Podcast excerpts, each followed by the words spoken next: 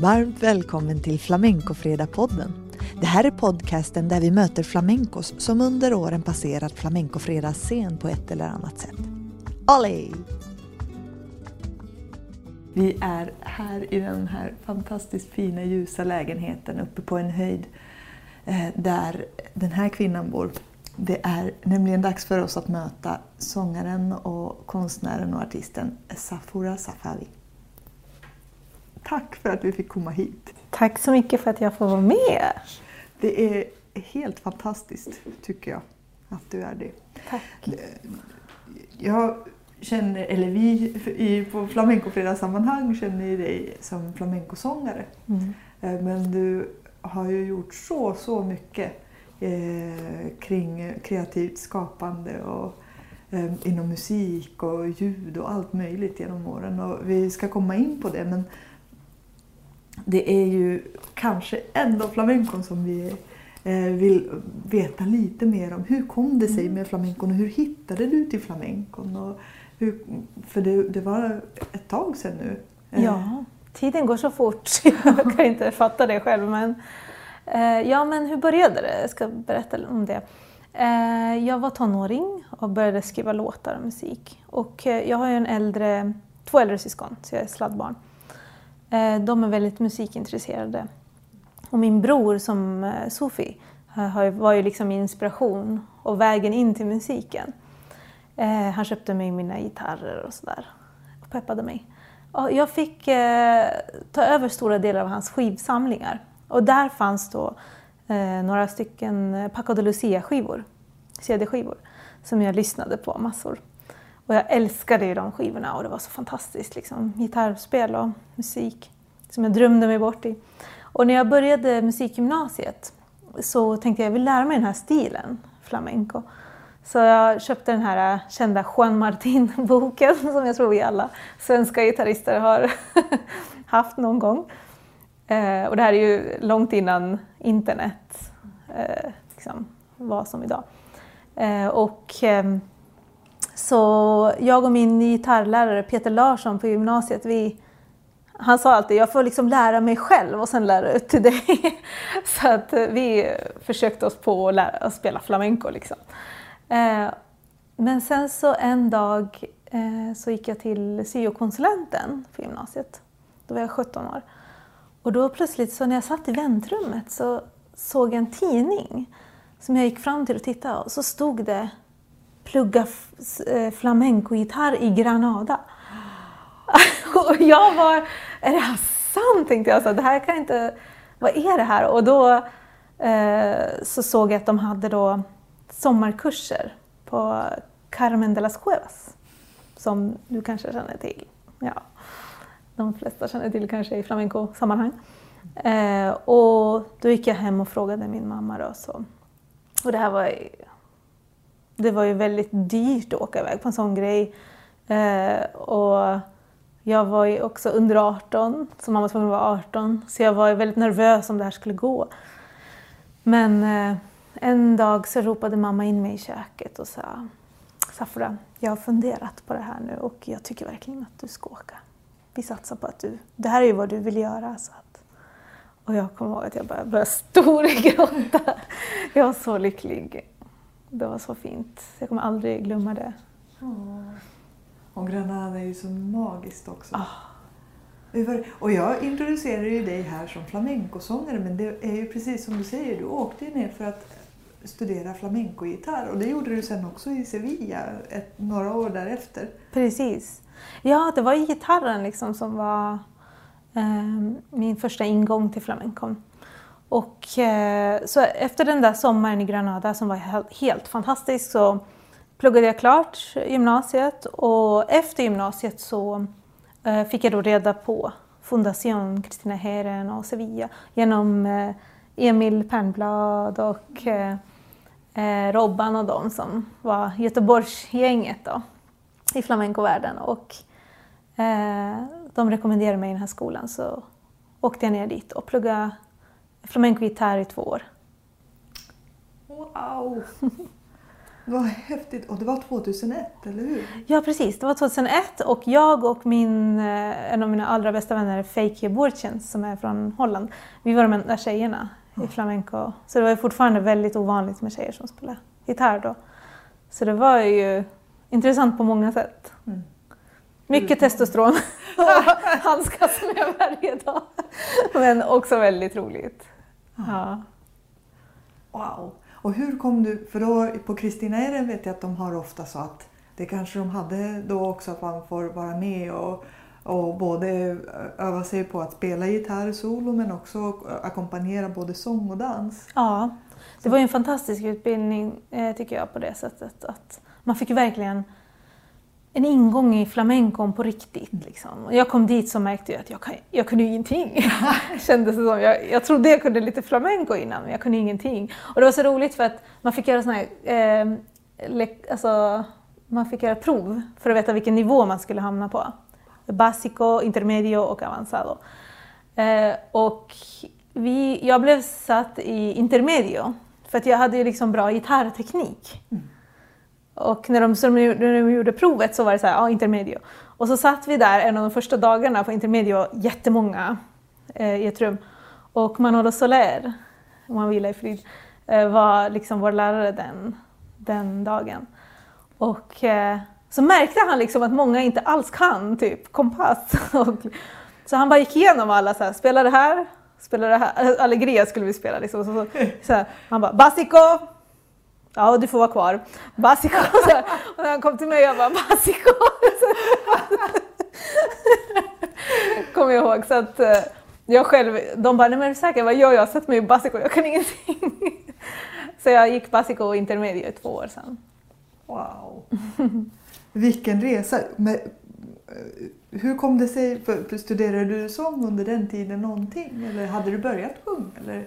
Ja, men jag sjöng ju, eh, jag skrev ju egen musik innan jag åkte dit. Och, ehm, så jag, sjunga var ju naturligt för mig, sjunga och spela gitarr. Men eh, med flamencon så gjorde det var så mycket att lära sig. Och det var så otroligt mycket fokus på tekniken och allt man skulle lära sig, och falsetten.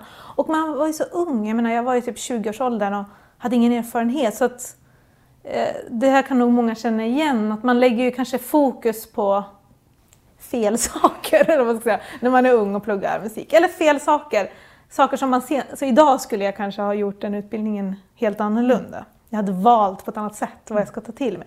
Men när man är ung vill man ha allt liksom, och så tror man att allt är jätteviktigt. Så det var mycket så här, det var ju många som skadade sig, kommer jag ihåg. Eh, Fick tendinitis och så här, för att det var så, de körde så hårt. Liksom. Ehm, Utan flamencosången kom sen. När jag, jag, efter två år där så insåg jag att jag saknade eh, uppträdandet. Alltså jag saknade mötet med en publik, jag saknade det här som jag älskade med, med musiken, var ju liksom den här interaktionen. Och med flamencon blev det väldigt mycket så här och så här eftersom den nivå jag hade var fortfarande inte tillräckligt hög för att kunna börja kommunicera utåt. Liksom. Det skulle dröja tio år innan jag skulle komma dit i min mentalitet.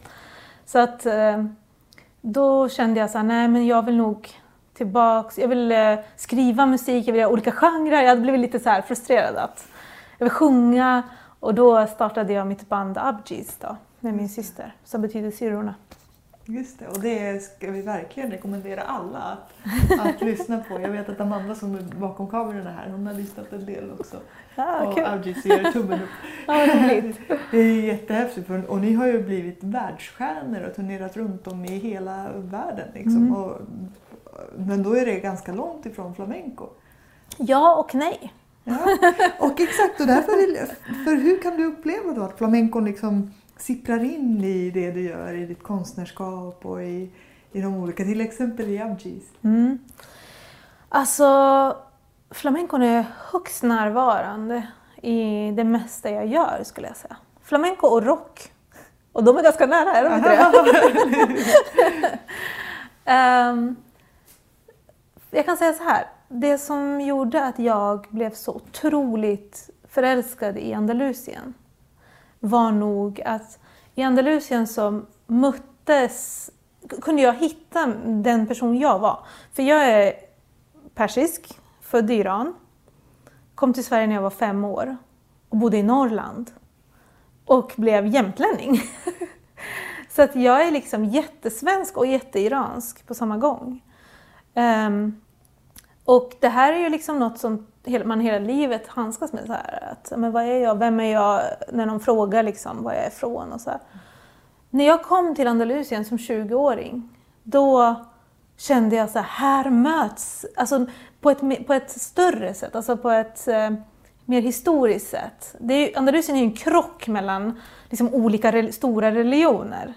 Och eh, speciellt då det muslimska inslaget och det kristna. Och de här som bara krockar där liksom. Och där kände jag mig väldigt hemma.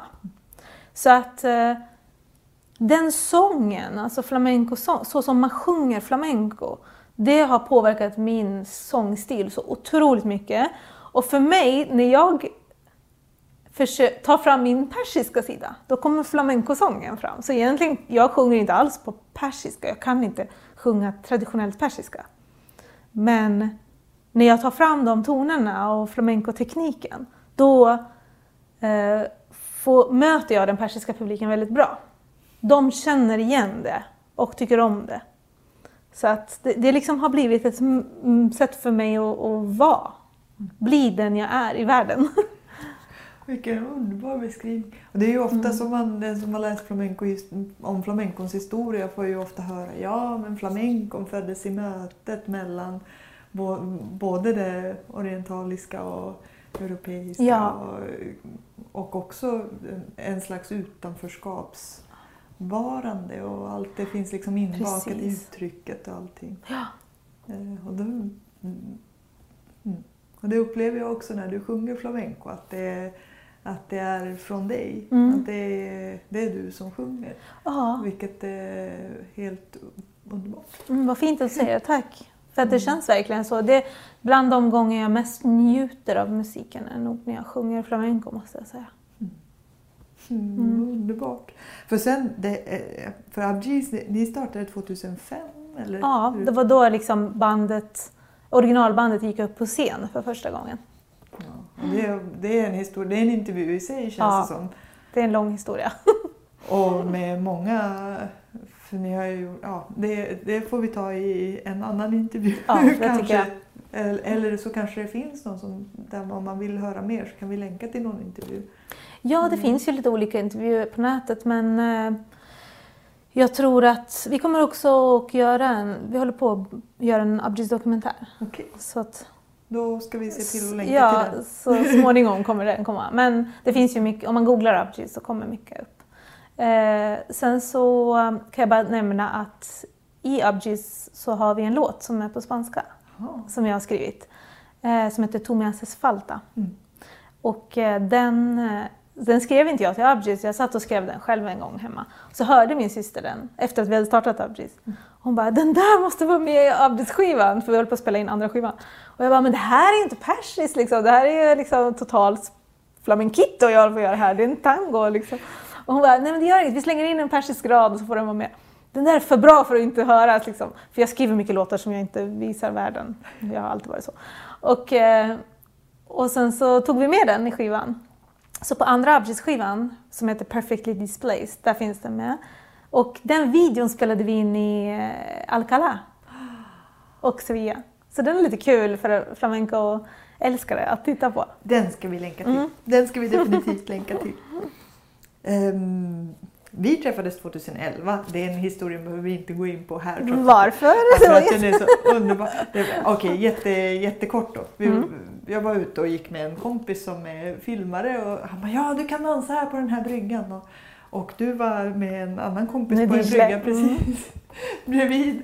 Och så började jag hålla på och stampa och liksom dansa för min kompis som filmade och så helt plötsligt så var det någon som började klappa på. På Kungsholm. Vad är det här? Och helt plötsligt är det någon som börjar sjunga. Och där var vi på varsin brygga och liksom möttes i Moleria. Jag gjorde en pataita till det. Liksom. Det var helt otroligt. Det var så fint. Det var ett otroligt vackert möte. Och det var en sommarkväll. Ja. Det var riktigt och det var liksom månen och mm, vattnet. Och, Jättefint. Ja, och det var 2011. Mm. Eh, så att det är faktiskt tio år sedan mm. idag, liksom nu. Det är ju nästan sommar ute nu. Ja. Ehm, Men eh, efter det, för sen bodde du i Sverige Ja. i stort sett. Ja precis, jag flyttade tiden. ju tillbaks hit. eh, 2004 flyttade jag till Östersund, Ja. startade Abgis och sen 2009 flyttade jag till Stockholm. Ja. Så sedan Okej. dess har jag bott här i Stockholm. Och sen har du hunnit med att göra en eh, kamp på STDH och Mm. nu i, i juni, alltså i år, 2021, 2021, vad säger Ja, nu nu eh, kommer du eh, ha gjort klart din Master of Performing Arts Ja. eh, också här. Och, och däremellan, så, när jag tittade in på din hemsida så såg jag att de senaste åren så har du ägnat dig väldigt mycket åt ljuddesign och gjort Mm. ljudlandskap för både teater och eh, olika, lite olika saker. Jag såg dig som du gjorde tillsammans med Paloma Madrid och i 2019, eller Never Grow Old. Och där var det ju en, eh, förutom Paloma som är en fantastisk koreograf så, eh, och har sin starka bakgrund i flamenco så var det också Belen Maya som medverkade. Mm. Eh, Skulle du kunna säga någonting om hur din bakgrund i flamenco kom in i just den ljuddesignen eller ljudproduktionen? Mm. Eh, Paloma frågade mig om jag ville vara med eh, när hon då började planera för den här föreställningen. Eh, och hon visste ju att jag hade en flamenco-bakgrund så jag tror att det absolut spelade in då. Sen har jag jobbat då som ljuddesigner och kompositör sen min eh, kandidatexamen 2015 har jag jobbat heltid med det. Så eh, det var ju väldigt roligt och det var en väldigt speciell process för att eh, det, var mycket, det var mycket processen som var en väldigt stor del av den produktionen. Så eh, den var väldigt tuff kommer jag ihåg men också när man tittar tillbaks väldigt lärorik och, och rolig att jobba med. Och med Belén där så gjorde vi ju den, liksom det, blev, det blev som någon sorts kontemporär, modern version av, av flamenco. Det, den har, det har så många lager den föreställningen. Mm. Så den eh, är ju liksom inte en vanlig dramaturgi. Liksom. Eh, Så, men vi jobbade fram hennes, musiken till hennes eh, del och sådär. Mm. Det var väldigt kul. Åh, spännande. Mm. Ehm, och sen däremellan så och sen däremellan så har du eh, också gjort, eh, jag vet att du jobbar tillsammans med Josefin Kjacker och i Mm. Facetas och ni har gjort flera samarbeten och eh, så i höstas så fick vi höra din med Erik Sten Flamenco Fusion. Mm. Eh, som, Tillsammans med dig. Ja, det var fantastiskt. Det var första gången vi fick jobba ihop. Ja, tio år. Ja, Tänk. Och jag, jag kände mig så lycklig att vi fick jobba ihop och det var Ja. verkligen fantastiskt kul. Jag med. Mera! det ska det nog bli för att det kändes även där att det, det var någonting som verkligen föll på plats också med Eriks kompositioner och hans sätt att komponera och din röst och det som du för med in i, Mm. i Ja, ensemblen. det var väldigt kul. Det var väldigt kul. Ja. Utmanande på många sätt. Ja, det verkligen. oj, oj, oj. Men för det är att, att flamencon hela tiden finns närvarande i ett konstnärskap, det har, det har vi pratat om. Men jag är också Mm. nyfiken på om det finns några mm, återkommande teman eller liksom långtidsintressen som du märker, alltså oberoende av flamencon, men, men som du återkommer till eller någon slags mm, som du kan, om, även om du är en väldigt närvarande person som Mm. vi pratar om att man är väldigt mycket i det man gör just nu och då. Men Mm. om man ibland tittar tillbaka eller känner samklang med någonting som, som ofta är en slags kärna i det du gör, vad skulle det kunna vara? Ja, men då kommer det ju till mig ordet healing faktiskt, när du säger så. Och jag tror att healing är en stor del av anledningen till varför jag håller på med musik. Och Healing det, eller läkande? läkande eller? healing, Ja. alltså inte en specif specifik healing-sort, Ja. eh, utan själva läkandet. Alltså, och med det menar jag läkandet i mötet, i närvaron. Eh, I själva uppträdandet genom musiken, alltså den, det stora läkandet som eh, konsten har i, som roll i våra liv. Och den, den känns nog som att den är väldigt central i mitt eh, utövande och i min praktik. Och jag kanske inte hade sett det så tydligt innan men nu blir det tydligare för mig. Också efter min master när jag har tagit mig tid att tänka i två år och filosofera lite grann och inte bara göra. Eh, och den känns, jag menar med min bakgrund som ändå, jag har flytt från krig, eh, föddes in i krig, föddes in i en orolig tid. Eh, och eh, egentligen har haft ett lite, på ett sätt, lite nomadlikt liv. Alltså på det sättet att man inte, jag har inte vuxit upp med en villa som jag har bott i hela mitt liv. Liksom. Vi har alltid känt att, även om jag har haft en stabil och trygg, tryggt hem, tack och lov, tack till mina föräldrar för det, eh, så har det alltid varit som att ja, men vi ska ju vidare. Det har aldrig varit att här bor vi, utan ja, men det här är tillfälligt. Vi ska inte satsa för mycket på det här, för det här är ju bara, vi ska ju vidare hela tiden.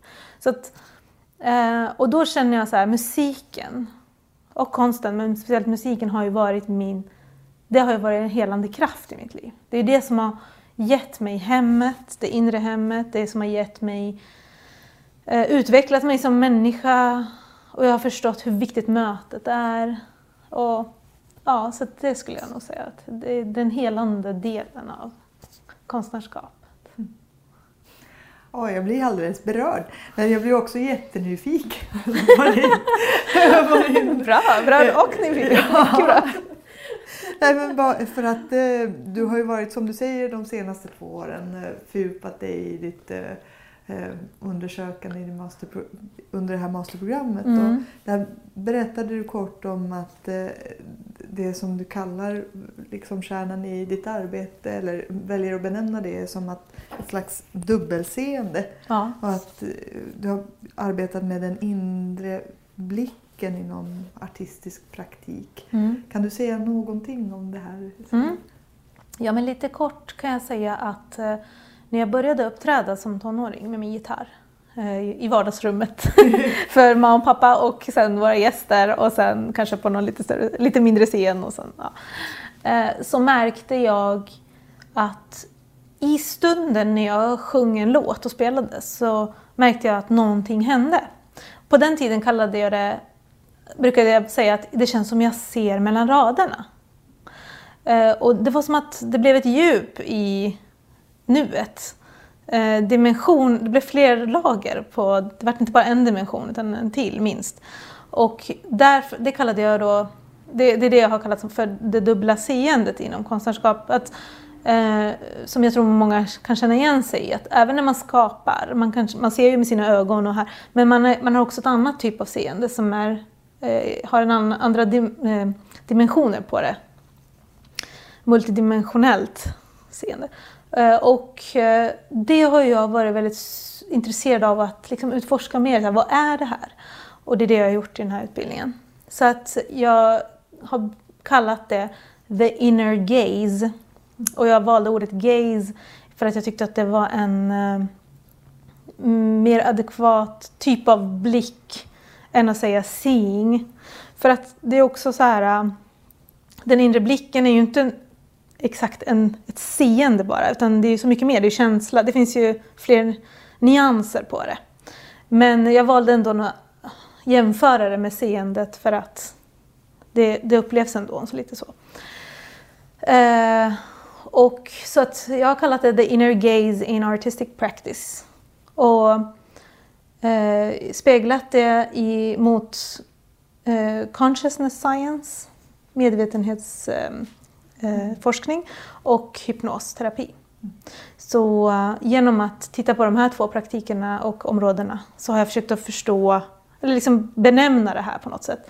Uh, och det jag har kommit fram till är då att jag ser som att the inner gaze, den inre blicken, är en inneboende eh, jag måste säga det på engelska för allting är på engelska.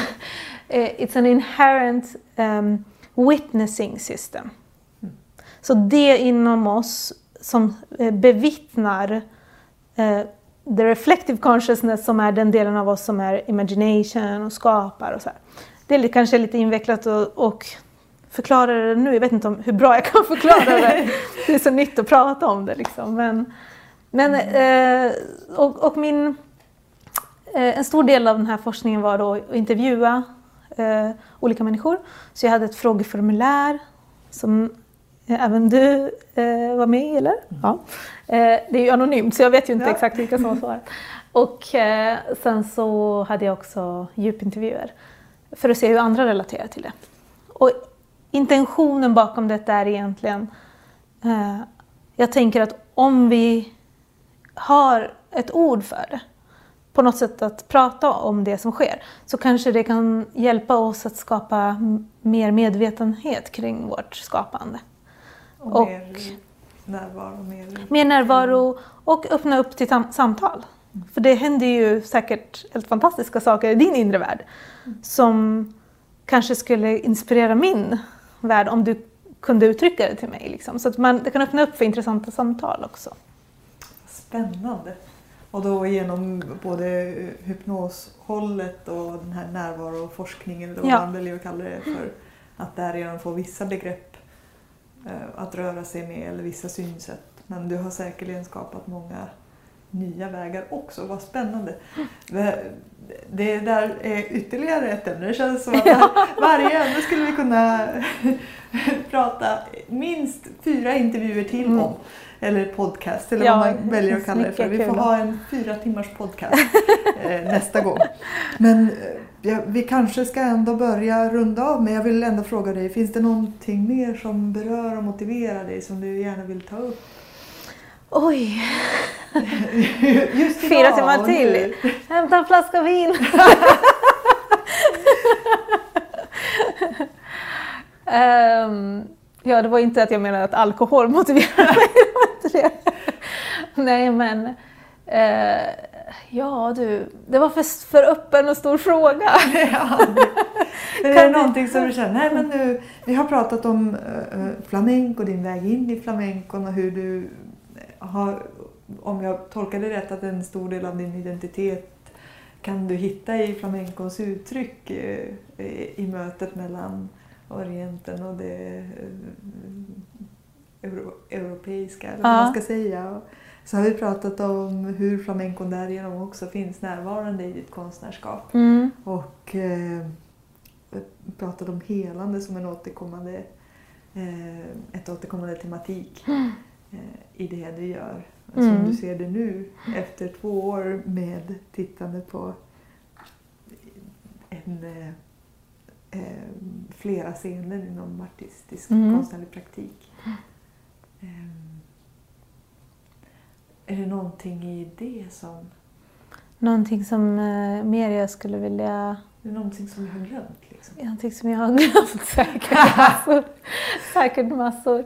Ja, jag, jag undrar på om jag skulle be dig om en favoritlettra nu. Vilken skulle Ah, det vad vara? fint! Ja, vad intressant att du säger det Pia, för att nu när du frågar den här frågan så kom det, det som kom upp till mig faktiskt var hur mycket lettrarna i flamenco betyder för mig.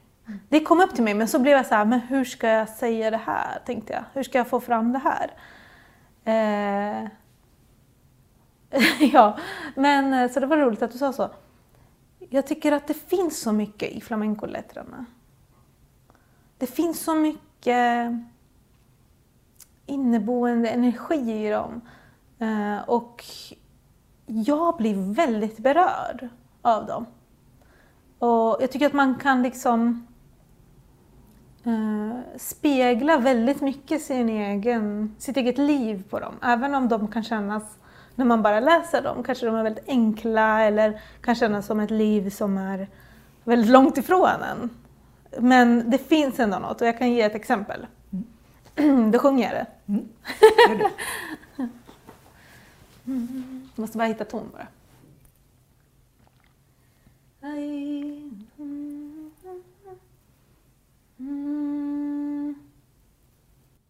Ja, då, då får det bli en klassisk solea. Och då går den så här. Ay, de te trian Alcalá me llevó todo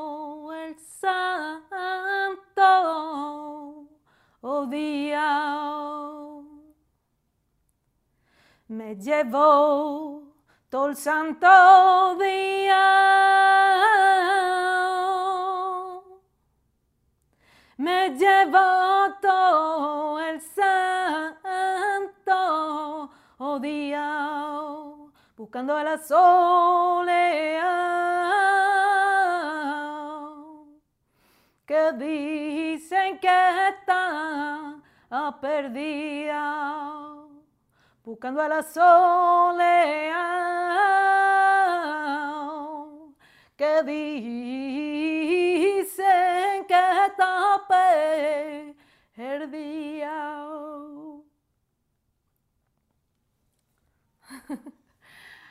Förlåt, jag var inte riktigt uppvärmd men det kanske gick fram. ja, så till exempel den här lettran eh, säger ju Desde Triana Alcala me llevo todo el día alltså från Triana till Alcalá tar det mig hela dagen. Och, och man hör ju liksom klagan också i det, med, med lleva todo el santo día. Liksom. Buscando a la soleá que dicen que está perdida.